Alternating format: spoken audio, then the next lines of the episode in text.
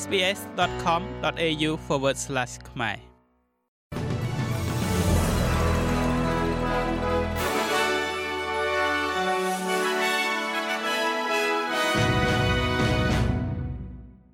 សូមស្វាគមន៍មកកាន់នេតិព័ត៌មានខ្លីៗរបស់ SBS ខ្មែរសម្រាប់ថ្ងៃប្រហ័សទី26ខែតុលា ឆ្នាំ2023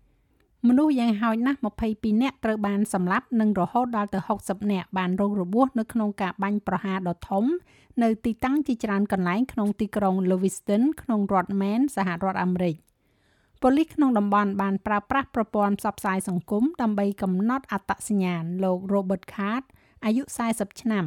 ថាជាបុគ្គលដែលពាក់ព័ន្ធដោយនិយាយថាបរិសម្នាក់នេះគួរតែត្រូវបានគេចាត់ទុកថាប្រដាប់ដោយអាវុធនិងមានគ្រោះថ្នាក់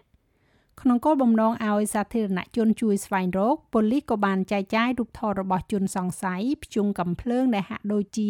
កំភ្លើងពាក់កណ្ដាលស្វ័យប្រវត្តិក៏ដូចជារថយន្ត SUV ពណ៌សមួយគ្រឿងផងដែរទន្ទឹមនឹងនោះអ្នកស្រុកត្រូវបានបញ្ជាឲ្យស្ថិតនៅក្នុងទីជំរកខណៈដែលសេវាសង្គ្រោះបន្ទាន់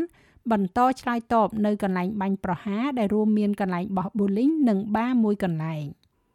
មួយទៀតនោះតកតងជាមួយនឹងការលាងលុយកខ្វក់ ដែលក្រុមអ ுக ្រិតកម្មចិនអូស្ត្រាលីមួយក្រុមត្រូវបានចាប់ខ្លួនបន្ទាប់ពីមានការចោទប្រកាន់ថាបានប្រើប្រាស់ខ្សែសង្វាក់ផ្ទេរប្រាក់ពាំងមុខដើម្បីលាងលុយកខ្វក់ជិត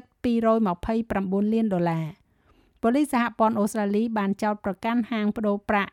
Cheng Chiang Currency Exchange ដែលមានហាងចំនួន12កន្លែងនៅទូទាំងប្រទេសថាត្រូវបានគ្រប់គ្រងដោយសម្ងាត់ដោយក្រុមលាងលុយកខ្វក់ ក្រុមហ៊ុន Long River ត្រូវបានចោទប្រកាន់ថាបានលាងសម្អាតប្រាក់ជិត229លានដុល្លារជាមូលនិធិខុសច្បាប់តាមរយៈអាជីវកម្មនេះក្នុងរយៈពេល3ឆ្នាំកន្លងមកជនជាតិចិន4នាក់និងជនជាតិអូស្ត្រាលី3នាក់ត្រូវបានចាប់ខ្លួននៅទូទាំងតំបន់ជីក្រុងភៀកខាងកើតនៃទីក្រុង Melbourne ហើយត្រូវបានចោទប្រកាន់ពីបទជាប់ពាក់ព័ន្ធនៅក្នុងក្រុមនេះជាបន្តទៅនេះពាក់ព័ន្ធជាមួយនឹងសាកសពដែលបានរកឃើញនៅទីក្រុង Sydney ប៉ូលីសបានកំណត់អត្តសញ្ញាណស្ត្រីដែលបានស្លាប់នៅក្នុងសាលារៀនដ៏មានកិត្តិនាមមួយក្នុងតំបន់ CBD នៅទីក្រុង Sydney កាលពីព្រឹកមិញថាជាបុគ្គលិកឈ្មោះ Lily James អាយុ22ឆ្នាំ។សេវាសង្គ្រោះបន្ទាន់ដែលឆ្លើយតបទៅនឹងការត្រួតពិនិត្យសុខុមាលភាពបានរកឃើញកញ្ញា James ដែលជាគ្រូបង្រៀនប៉ូឡូជាមួយនឹងរបួសក្បាលធ្ងន់ធ្ងរនៅឯសាលា St Andrews Cathedral ភ្លាមភ្លាមបន្ទាប់ពីពាក់កណ្ដាលអាត្រៀត ប៉ូលីសកំពុងស្វែងរកបុគ្គលិកម្នាក់ទៀតក្នុងវ័យ20ឆ្នាំប្លាយគឺលោក Peter Thisin ដែលពួកគេជឿថាអាចជួយនៅក្នុងការសាកសួររឿងនេះនៅក្នុងសេចក្តីថ្លែងការណ៍មួយសាលាបាននិយាយថាខ្លួននឹងបិទរយៈពេល2ថ្ងៃប៉ុន្តែការប្រឡង HSC នឹងបន្តទៅមុខសម្រាប់សិស្សថ្នាក់ទី12ចុងក្រោយនេះពាក់ព័ន្ធជាមួយនឹងភ្លើងឆេះព្រៃនៅរដ្ឋ Queensland ដែលអាកាសធាតុដែលមានខ្យល់ខ្លាំងមិនបានជួយឲ្យមានភាពធូរស្រាលដល់ក្រុមអ្នកពន្លត់អគ្គិភ័យដែលកំពុងតែប្រយុទ្ធតទល់នឹងអណ្ដាតភ្លើងដ៏សាហាវនៅតំបន់ភាគខាងត្បូងរដ្ឋ Queensland នោះឡើយដោយសារតែរន្ទះបាញ់បង្កឲ្យមានបញ្ហាកាន់តែច្រើនប៉ុន្តែចៅហ្វាយក្រុង Western Downs លោក Paul McVeigh មានប្រសាសន៍ថាមានក្តីសង្ឃឹមដែលថាទីប្រជុំជន Thara ឥឡូវនេះអាចមានសវត្ថភាពពីអគិភ័យ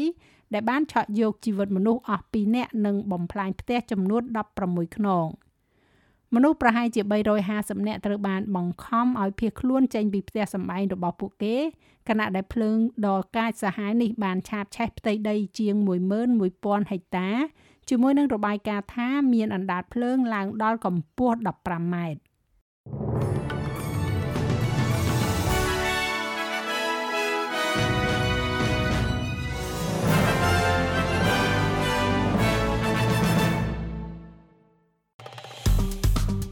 ចុច like share comment និង follow SPS ខ្មែរនៅលើ Facebook